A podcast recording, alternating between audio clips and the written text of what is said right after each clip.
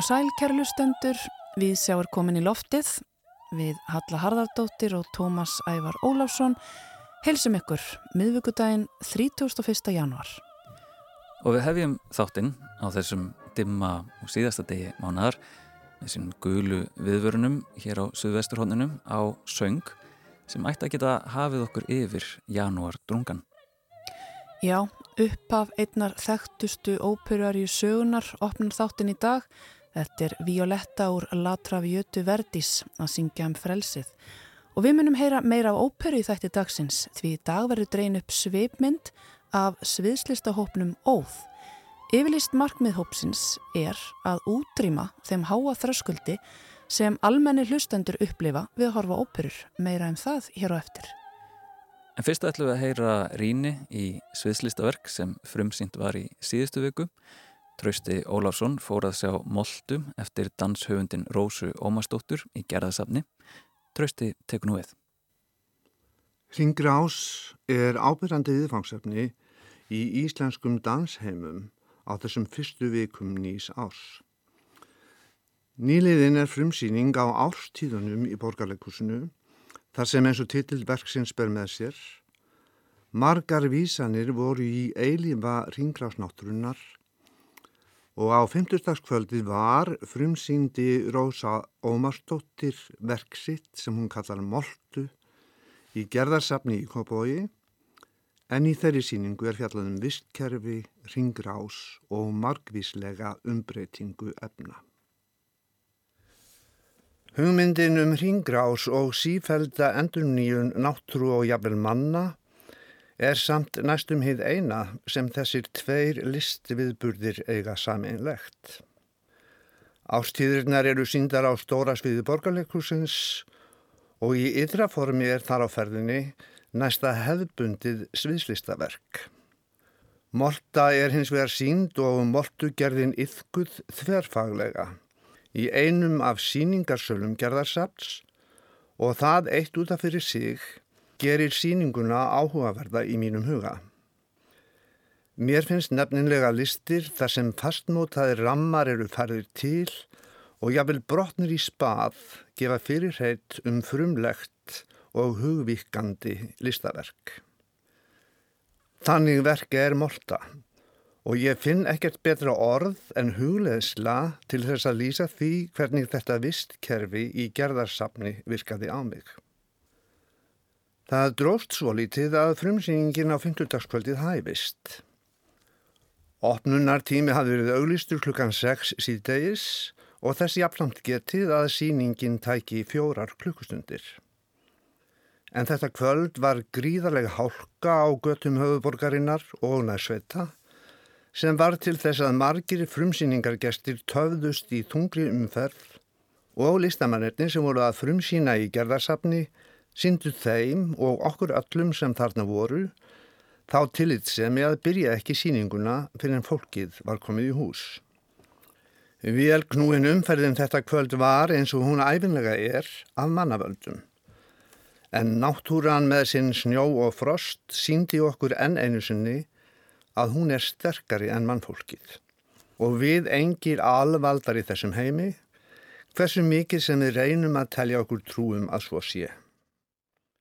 Öblin utan við okkur.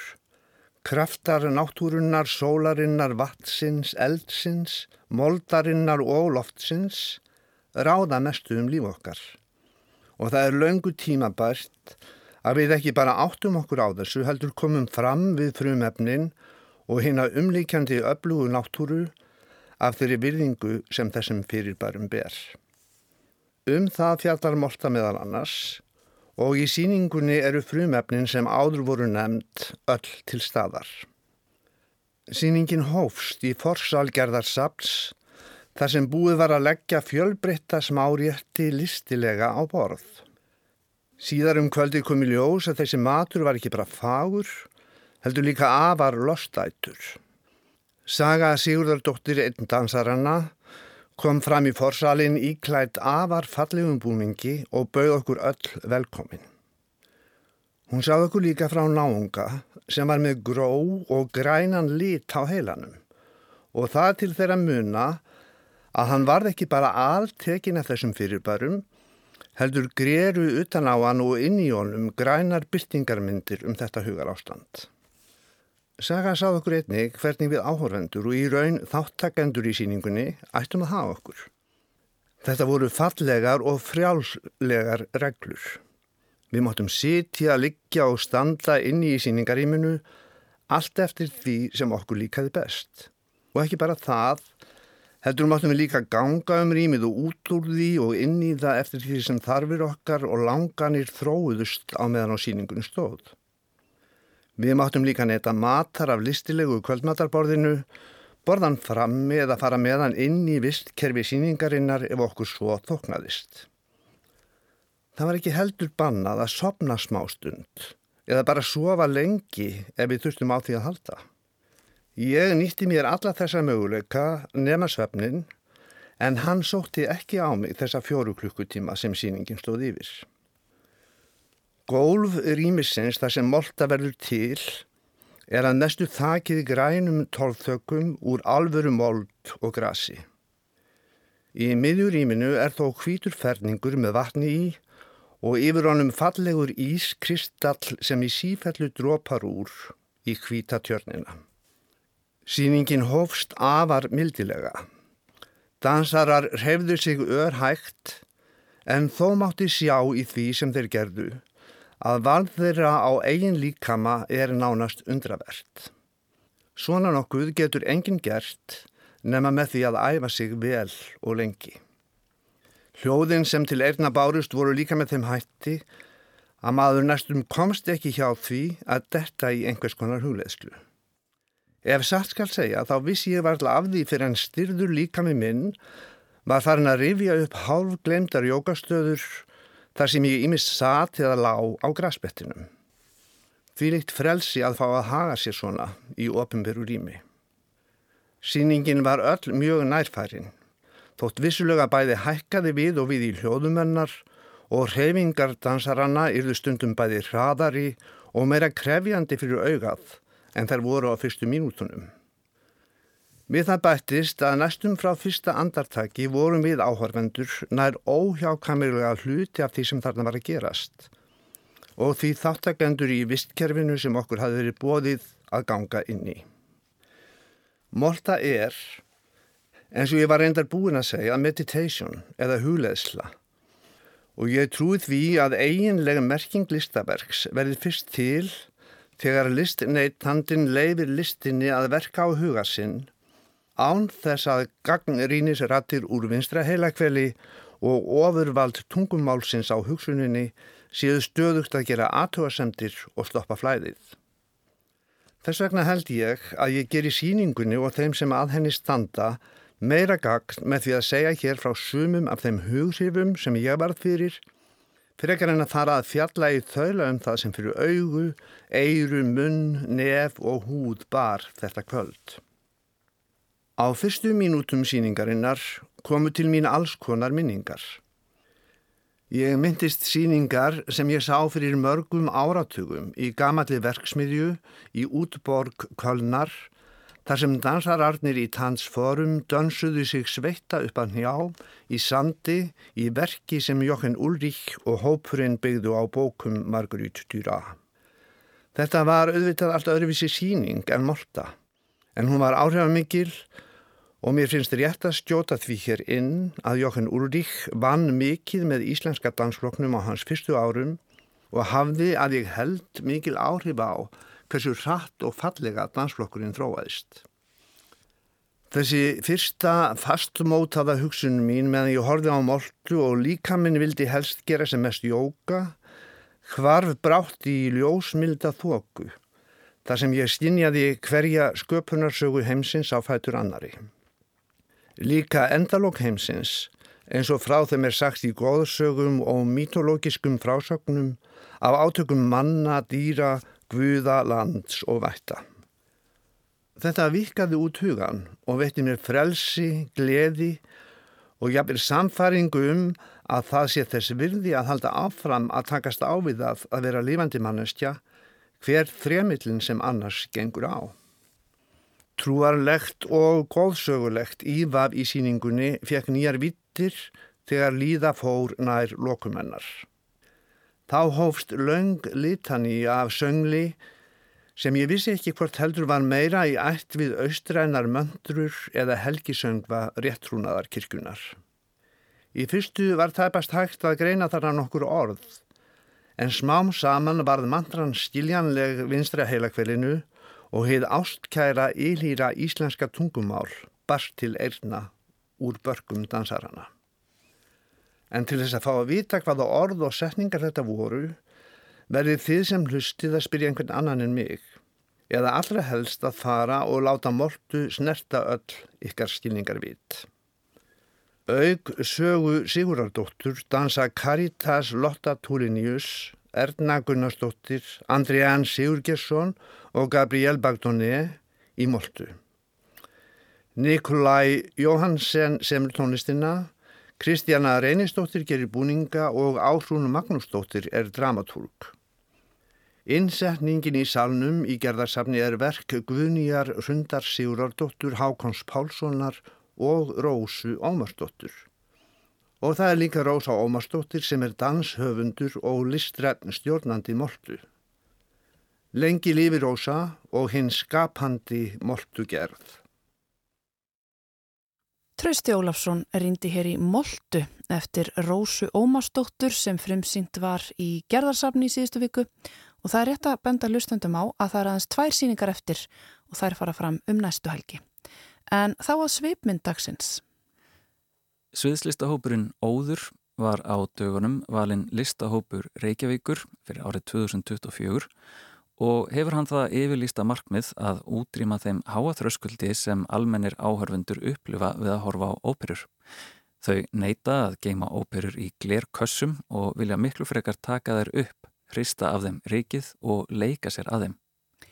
Sýningaróðs hafa verið settar upp í samstarfi við þjóðlikúsið í þjóðlikúskjallarunum og fara allar fram á íslensku. Meðlimir hópsins eru Þórhallur Auður Helgason, Solveig Sigurðardóttir, Áslákur Ingvarsson, Ragnar Pétur Jóhansson, Sigurður Helgi og Tómas Helgi Baldursson. Og hingaður þau komin Þórhallur Auður og Solveig og þau setja fyrsta lægið á fónin.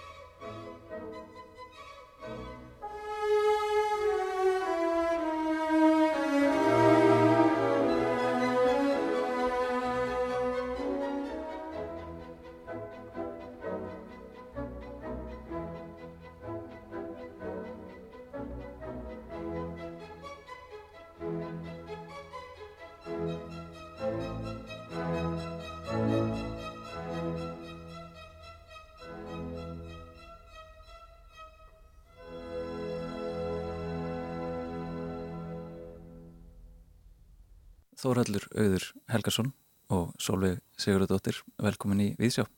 Takk fyrir. Takk og við erum að hlusta á ansi, ansi magnaðan forleik hérna þið, þið komið þetta lag fyrir þáttinn mætti ég spyrja hvað hva er ég vali? Um, þetta er forleikur Núla Traviata og hann er svo hann er bara svo gott upplegg fyrir söguna, hann, hann gefur til kynna hvað það er sem við erum að fara að sjá í óperunni án þess að, án þess að segja okkur hvernig það endar bara miklu uppáhaldi hjá mér Já, strax frá bara fyrsta tóni þá getur maður ekki annað en dottið nákvæmlega í þá stemmingu sem að tónskáldi vil hafa manni mm -hmm.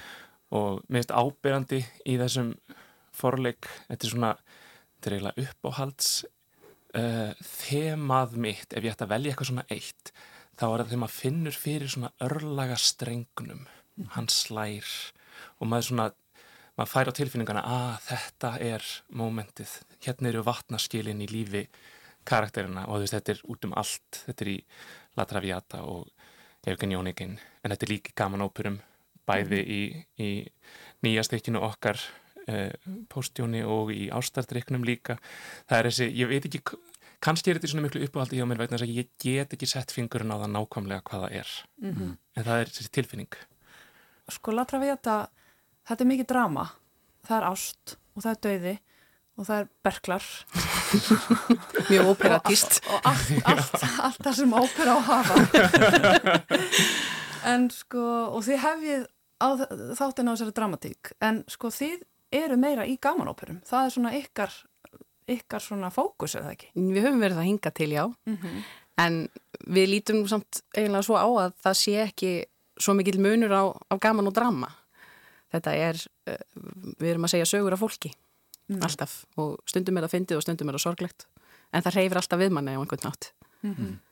Það hefur einhvern veginn raðast þannig upp sko að næsta verkefni okkar hefur alltaf verið gaman. Og ég held að við hefum alveg svona brínt okkar verkfæri milli síninga í því að, að, að hérna, áttökur á því hvernig við komum því sem best til skila. En prinsipin sem við stiðjumst við í uppsetningu þeirra þau verkfæri virka alveg jafn vel í drama mm -hmm. uh, þótt við kannski beitum þeim eitthvað örlítið öðruvísi mm -hmm. en uh, við erum spennt fyrir mörgu sem að liggur utan gaman og óperu geirans mm -hmm. En uh, sviðslistahópurinn Óður þið, þið hafið í rauninni yfirlýst markmið sem er að útrýma þeim háa þröskuldi sem almennir áhörundur upplega þegar þeir horfa á óperur og maður hefur alveg fundið fyrir þessu sjálfur ég, ég veit ekki henni það alveg að mér hefur fundist mjög erfitt að nálgast þetta form, menning, menningarform og, og verið heikandi að því ég skilt stundum ekki alveg og, og þetta er einhvern veginn uppstrílað mm -hmm. um, þannig að kannski bara hana, fyrsta spurning um, um óbruna þessa á þessum háa þröskuldi um, hvað, hvað er gaman við að horfa óperur eða hlusta óperur? Ég minna ekki allt alltaf það er kannski það fyrsta Ég hef mjög gaman að því að við, að við séum með orðið útrýma í manifestofan okkar. Það er ekki tvoðalega góð sviti, maður veit það bara. en nei, ég held að, ég held að við rætta að, veist, að, að oft hefur fólk kannski fengið eitt tækifæri til þess að gefa óperu séns. Og eh, fólk veit það alveg að kvikmyndir eru alls konar og það er engin að fara að segja nú ert þú ert að leggja fyrir því kvikmyndagerð. Ég sá nú The Tourist með Johnny Depp og Angelina Jolie og ég fíla hana ekki, ég veit ekki alveg hvað þú sér því þessu. Þú veist, það eru til uh, skemmtilegar óperu uppfærslur á frekar þú veist, á, á óperum sem að getur verið mjög leiðinlegar, svo eru til óperur sem eru með ótrúlegan efni við og uppsettingin er bara leiðinleg og það má alveg segja það uh, mér finnst það alltaf ég, að ég megi segja það en ég held bara að, að hérna, oft segja þetta það einmitt að fólk dettur út úr þessu að því að það skilur ekki hvað er að gerast og það veit kannski ekki alveg hvernig það á að nálgast þetta mm. það er bara of margir hlutir sem eru já, tór aðgengilegir Já, það er líka að við erum svo oft að uh, sjá óperur flutta á tungumáli sem við skiljum ekki mm -hmm. Og það út af fyrir sig býr bara til fjarlægð, þú skilur ekki það sem er verið að segja á sviðin og það er jafnvel ekki verið að leggja áherslu á að söngvararnir séu að skila textanum þannig að hann skiljist af því að það er verið að forgámsraða því hvernig röttin hljómar. En ég trúi því mjög svona, ég, ég trúi því alveg að það sé hægt að gera hvort ekki að skila textanum vel og hljóma vel rallega um, en það að vera með að vera að syngja á tungumáli sem að áhörðundur skilja, það er bara allt önnur tilfinning mm. og það er, höfur okkur skilist á fólkinu sem hefur komið á síningar, líka allt önnur upplifin að skilja tekstan mm -hmm. hvert einasta orð sem er sungið og þurfa ekki að hafa fyrir því, þurfa ekki að vera búin að leysa Wikipedia-greinina um, um óperuna áður og mætir á svæðið og þurfa ekki að vera alltaf að horfa upp og niður og að hérna, fylgjast með, með tekstanum það, það munar öllu mm -hmm. að tungumáli sé ekki fyrir -hmm. Við höfum líka hýrta frá sömum sko að, að, að það komi ljósa að þetta sé miklu eh, alþýðlegra og, og svona uh, hverstagslegra heldur en að fólk hafi gert ráð fyrir. Því að þegar þú skilur ekki textan þá getur þú bara fyllt inn í það með hverju sem þú vilt. Þetta er eins og séðan hann í Shawshank Redemption þegar hérna óperun er sett á fónin og hann segir þú veist uh, en þann dag í dag hef ég ekki hugmyndum hvað þessar ítölsku konur voru að syngja um ég vil ekki vita það. Mm -hmm. Og það er svona nálgun sem að margir hafa að, að, að það sé betra að opna ekki lokið á bóksinu uh, en það er bara allt önnur veist, þetta er bara sama fjarlæðin gerir fjöllin blá en þá eru þau líka öll í einhverjum bláum lit þau mm -hmm. eru öll mhm. frekar einsleitt mm -hmm. en uh, við höfum kannski meiri áhuga á því að bara klifur upp í, upp í hlýðirnar og, og skoða smá sæi flórunna mm -hmm og þegar við verðum að setja uh, ykkur óperur á svið í þjóðlökuskjallaranum þar sem fólk einmitt sittur uh, á stólum við borð og uh, sviðið er einhvern veginn svona eiginlega fyrir miðju og, og það sittur svona í kring og það er mikil náleg og, og það er kannski annað sem að einmitt svona fjarlægur okkur frá óperum það, er, það eru hérna kjólfötinn og einhvern veginn all leikriti í kring og, og það eru rísustórir óperusalir hérna út í heimi með þvílikum tjöldum og mann finnst maður oft jafnvel bara ekki vera í réttri stjætt nánast. Finnst ykkur, finnst ykkur svona, eru þið alveg bara svona ráðast á þann með því að hafa þetta uh, þröskuld með því að hafa þetta í þjóðleikurskjallaranum Já, eiginlega. Sko, ég held að óperan hafi svo litið fjarlægst uh, sinn upprunlega tilgang. Þar að segja að þú veist á 19. eldinni þá var þetta bara ein tegund afturreyingar eins og kvikmyndir eða við erum með núna sko. mm. og það var ekkert þannig að bara ríkt fólk hver í óperuna var, þetta var miklu minna formlegu upplifun, fólk var að spjalla saman á meðan á síningu stóð og, og hérna það var ekki búið að búa til einhverja svona, svona rítúal skulum við segja í kringum það að fara í óperuna það var ekki svona, en, en sko vandamálið er kannski að miklu leiti það að óperur eru dýrar í upphæslu þess að það er erfitt að setja upp óperur án þess að vera með hera fólki, þú þart stóra hljómsveit í mörgum tilfellum, þú þart marga einsöngara og þú þart kór og þú þart búninga og þú þart, þetta er dýrt. Og eina leiðin til þess að gera eitthvað sem er dýrt er að, að ná í peninga. Og hvar nærði peninga, þú nærði peninga hjá ríka fólkinu í langflestum tilfellum. Og þar af leiðandi verður þetta óhjákæmilega í gegnum söguna kannski meira og meira fyrir ríka fólki það því að ríka fólki er að borga fyrir þetta. En það er ekki upprunlega hugmyndin og það var ekki þar sem að þessi tónskólda var að hugsa að búa til hérna afþreyingu bara fyrir eftir stjættina mm -hmm. ekki engöngu margar af þessum óperum voru síndar í, í, í einhverjum, á einhverjum krám og einhverjum pínlitlum leikúsum einhverstaðar út í bæ sko.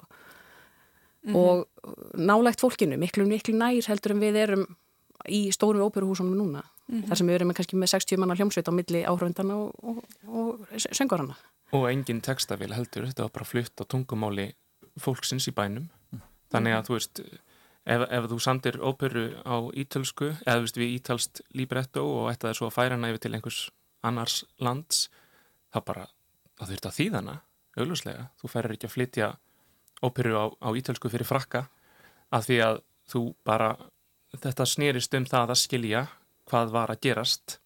Þannig að við hefum reyni lagt áherslu á það að þetta sé ennþá nær leikhúsi, þetta er leikhús þetta er sungið leikhús og eh, eins og með þess að nálagð við erum alltaf bara ekki, ekki einu sinni er sviðið í miðjunni heldur sviðið tegja sig út í allan áhorvendasalinn við erum á milli áhorvenda setjumst stundum í kjölduna Já, já, syngjum upp í eirun á þeim alveg. Já um, Þannig að hérna uh, við viljum samt alveg fá svona félagsfæli fólk líka. Við ætlum ekki að ekki, veist, það er ekki þannig að fólk verið tekið fyrir og, og beðið þeim að stíða upp á svið. En þetta er allt öðruvísi upplifun og við erum, já, eins og þú varst að benda á Tómas að við erum kannski svolítið að, að stíga uh, yfir streikið frekar en að, að fara of skamt í því að sína hversu uh, langt frá þessari uppstríliðu uh,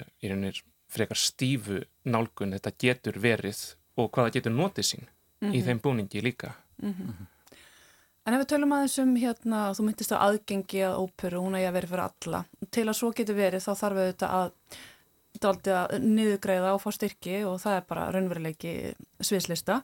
Hvaða hugmyndur hafið þið um komandi úr græsrótinni, þið er það að næra græsrótina um þjóðaróperu? Hver er eitthvað skoðun á þeirri pælingu? Uh, sko, ég held að, að hérna, undan farin ár hefur náttúrulega greinilega ýmislegt verið að gerjast í, í hérna, sjálfstæðri senu. Það er mikið sem er sjálfsprottið og það er þarna ákveðin blettur neyri við höfn sem hefur verið mjög vel hyrtur með hérna, velsleiknum grassi Um, og hvað gerist á öðrum stöðum sem að fá ekki álíka aðtikli, það bara vex arfi og, og við erum hluti af þeim arfa.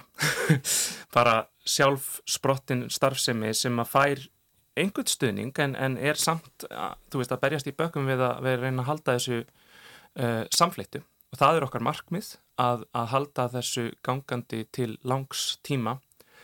Uh, ég held að varðandi þjóðaróperu þá það veist, við bindum uh, að sjálfsögðu bara vonir við það að fyrirkommalagi verði öðruvísi það breytir í rauninni ekki sko okkar uh, nálgun eða okkar plönum neitt. Ég held að það sé mikil verðmæti fólkin í því að frekar en að, að, að, að miða á ungt fólk og markhópa og spyrja hvað ætli þau vilja sjá frekar að leifa þeim sem að hafa skriðið upp úr moldinni að gera það sem þau er að gera og uh, mér finnst bara alveg magnað að, að sjá að ópera hefur alltaf verið svona svolítið uh, punchline, þú veist. Maður heyrir ofta fólk segja hérna ég hlust á allt nema þungarokk og óperu. Og hérna ég, þú veist, ég var orðin ansið gammal því ég gaf þungarokk í sens. Þá komst ég að því að það er fullt sem ég fíla þar og fullt sem ég fíla ekki. Sem er þú veist, þá er maður komið með einhverja skoðun á því. Um, en ég held að sé alveg uh, daldi merkilegt að núna á grímunni á síðasta ári þá fengur þessi sjálfstæði hópar uh, sprota ársins. Og núna er óperuhópur listhópur Reykjavíkur þannig að það er greinilega einhver reyfing í gangi sem er að, að færa þetta nær almenningi og, og í rauninni gera þetta sínilegra og það er langur tími síðan að, að langur tími þar sem þetta var svona frekar óbreytt, þetta var svolítið út í hodni að, að fólk vissi af þessu en hafði ekki áhuga því að kynna sér þetta neitt verulega fyrir utan þann hóp sem að sóti þetta mjög reglulega. Þannig að um, vonandi verður þjóðuróparan til þess að, að, hérna, að það verður fjölbreytara frambóð og það verður hægt að sína fólki fram á það að að uh, það er til miklu fleiri tilbreyði innan óperu heimsins heldur en einn rosalega stór síning einu svona ári sem að fólk mætir í, í, í pelsi og kjólfötum. En uh, ef við erum á svona græsrótar slóðum uh, þegar þið eru að svona uh, nema óperusöng og, og einhvern veginn ákveða að leggja þetta fyrir ykkur og þá sérstaklega á Íslandi svona hvernig komandi úr námi hverjar voru ykkar horfur? Já, sko, horfur það er almennt síð eru allt og margir söngvarar til. Það eru allt og margir sem að leggja þetta fyrir sig í rauninni til þess að við getum öll lifað af því. En uh, það sem að gerist sko námið ég held að við, ég held að sé svona hluta til ástæðan fyrir því, ekki að hluta til, bara stóra ástæðan fyrir því að við fórum að gera þetta að við fundum okkur eiginlega ekki inn í inn í kerfinu, bæði í náminu og síðan kerfinu sem að sem að svona, þú veist, óperuhúsinu út í, heimi eru um, það er ákveðin stífleiki þar, það er svona já gert ráð fyrir því að þú sért eh, fylgir okkunum leikreglum og uh, ég veit ekki, við okkur langaði ekki til að fylgja þessum leikreglum. Ég held að það sé alveg örugt að segja að það er ekki einn meðlumur í óði sem er ekki þverhaus. Allavega upp á svona heilbriðmarki uh, og það er örgulega bara vegna þess að við læriðum hér á Íslandi.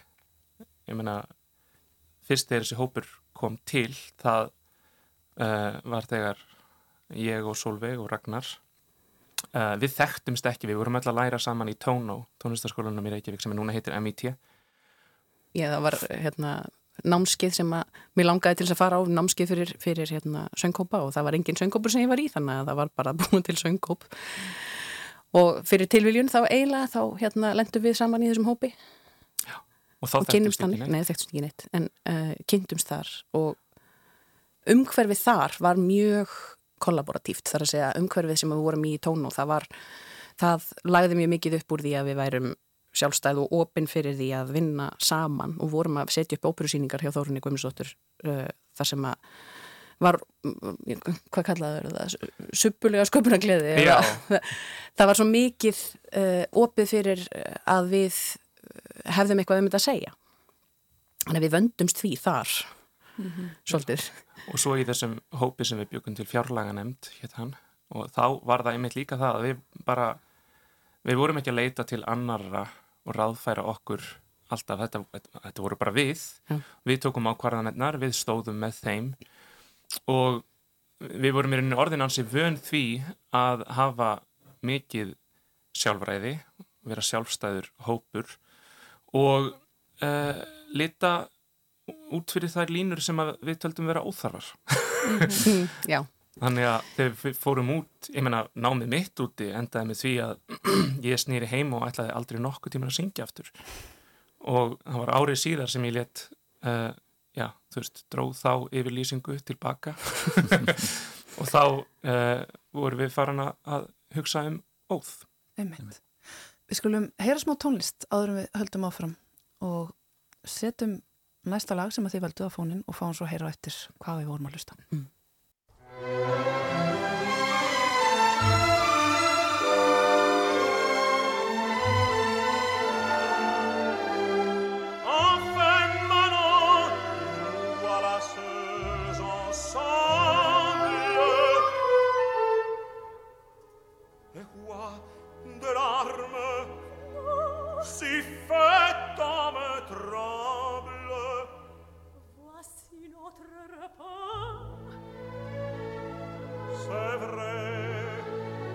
Latet fort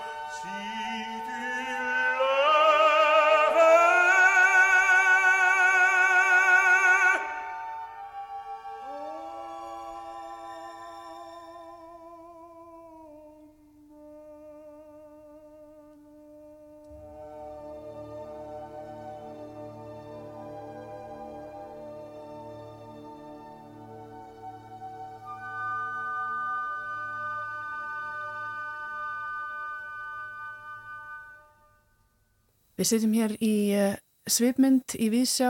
Við erum að reyna að draga upp svipmyndað sviðslistahóp sem kalla sig Óð, Solveig Sigurdóttir sönguna og Þóraldur Auður Helgarsson, söngvari. Hvað vorum við að hlusta á? Við vorum að hlusta á brot úr óperunni Manon eftir Massinni. Við veldum þetta uh, vegna þessa, ég held ekki að tala fyrir okkur bæði allavega, er, það er allt öðruvísi bragð af þessu uh, heldur en er af þessum minnst, hafa allir heilt hérna Nessum Dorma og Rigoletto kvartettin og, og svo framvegis. En það er svona veist, það eru ítalskar óperur. Þessi er frönsk og hún er einhvern veginn allt öðruvísi. Hún er svona flæðandi, maður átti sig ekki alveg á því hvert hún er að fara. Ég sé alltaf fyrir mér bara svona litla eldspítu með flögtandi loga frekar en einhvern svona einhvern kastljós. Um, og þetta er, þetta er svo miklu viðkvæmara. Þetta er Anna Moffo og hérna Di Stefano sem er að syngja og þetta er bara svona það er svo mikil mýkt í þessu og það mætti bara fara aðeins meira fyrir því tilbreyði mm. af óperum líka. Þetta er ekki bara ég meina þú veit þessu stórar tilfinningar þarna þá er það tjáðar af svo mikilli nattni og svo mikilli hérna uh, viðkvæmni í rauninni Það er meiri nánd í tónlistinni sjálfri Já, já og þetta eru leitandi tilfinningar og það eru svo ótrúlega vel endurspeiklaðar í tónlistinni Ummitt Hvað var það sem að kvekti í ykkar ástrið fyrir þessu formi? Munið það? Hm. Það gerist nú kannski setna heldur en maður áttar sig á sko. Eða eins og einnig maður myndi halda. Ég, ég var alltaf að leika og læra tónlist og, og hérna fannst það rosalega gaman en, en ég áttaði mig ekki á því að ég vildi vera að hvað var segja, performera í óperum fyrir en í rauninni bara ég eiginlega kom staði í gegnum ferlið þegar við vorum að setja bástadrykkin að það væri raunverulega það sem ég langaði til að gera og gera það á þennan hátt. Það já, mm -hmm. það er mista kosti þannig á mér. Já, við höfum átt umræður um þetta í hópnum og, og hérna, við komum öll í reyninni þá leið að hafa byrjað að æfa á einhver hljóðfæri. En eins og meiri hluti almennings þá, þú veist uh, voru óperur ekkit sérstaklega nálagt uh, mér allavega veist, ég, ég þekkti þessi verk sem allir þekkja uh, ég fór út í sönga því að mér þótti gaman að syngja.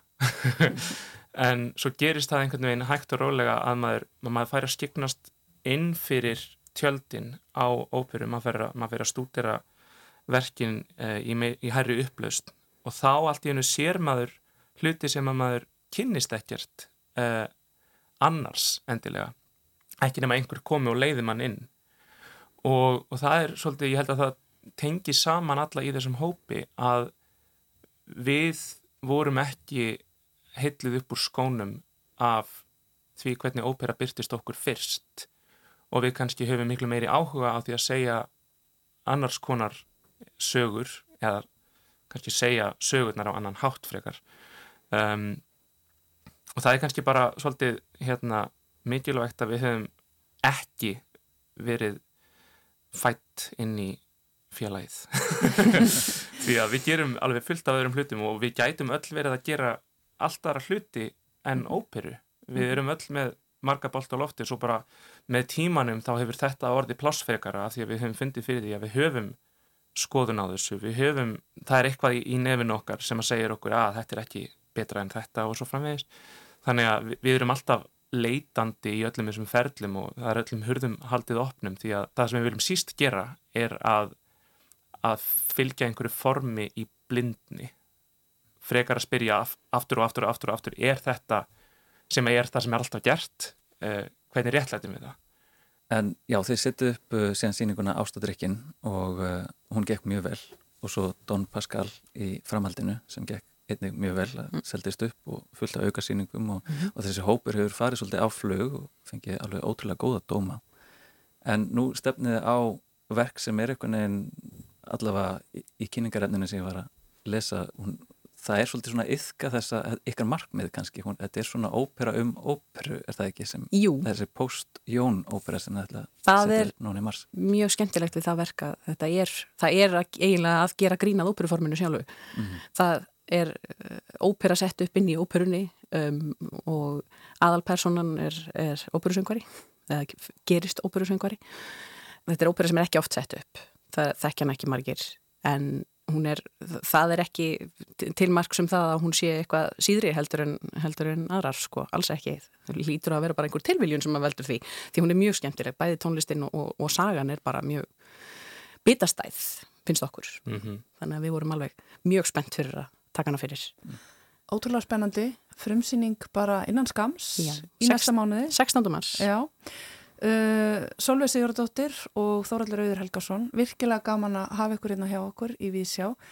Örst ut í lókin þá ætlum ég að leiða ykkur að kynna inn síðasta lægi sem þið komið Já, uh, þetta er sem sagt úr ástardryknum og uh, fólk sem er mætti á ástardrykkin hjá okkur mun ekki kannast við þetta því við þurftum að klippa þetta út og við höfum alltaf séð þetta því Þannig að hérna, við erum að vinna svo sem í því að, hérna, að eh, finna leitis að koma þessu afturinn í verkið.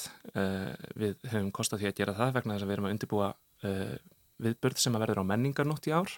Síðast á menningarnótt vorum við með tónleika í uh, húsi hérna, Parliament Hotel, gamla NASA og síndum fullt þar og við erum að undirbúa annan viðbörð núna þar sem að við, já, hvetjum fólk til þess að fylgjast með en uh, við þurfum meðal annars að vinna ástöðrykkin alveg upp og nýtt þannig að við ætlum að uh, leifa þessum tætti að klárast á þessu indislega verki sem við höfum alltaf séð eftir að hafa ekki getað ratað inn í síningu okkar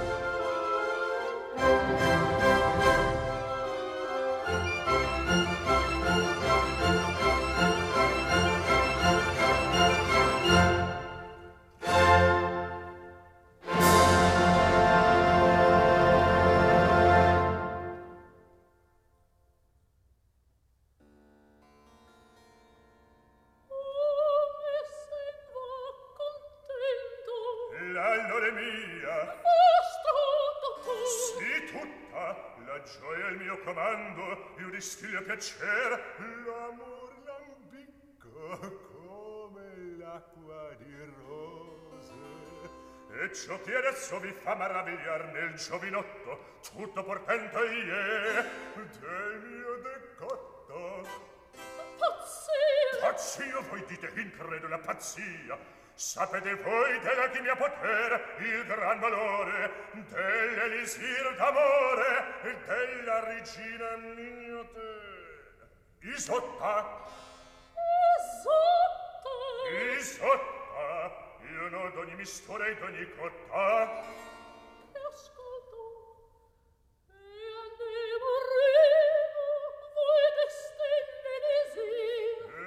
chiese per ottenere l'affetto di non so qual crudele. E dunque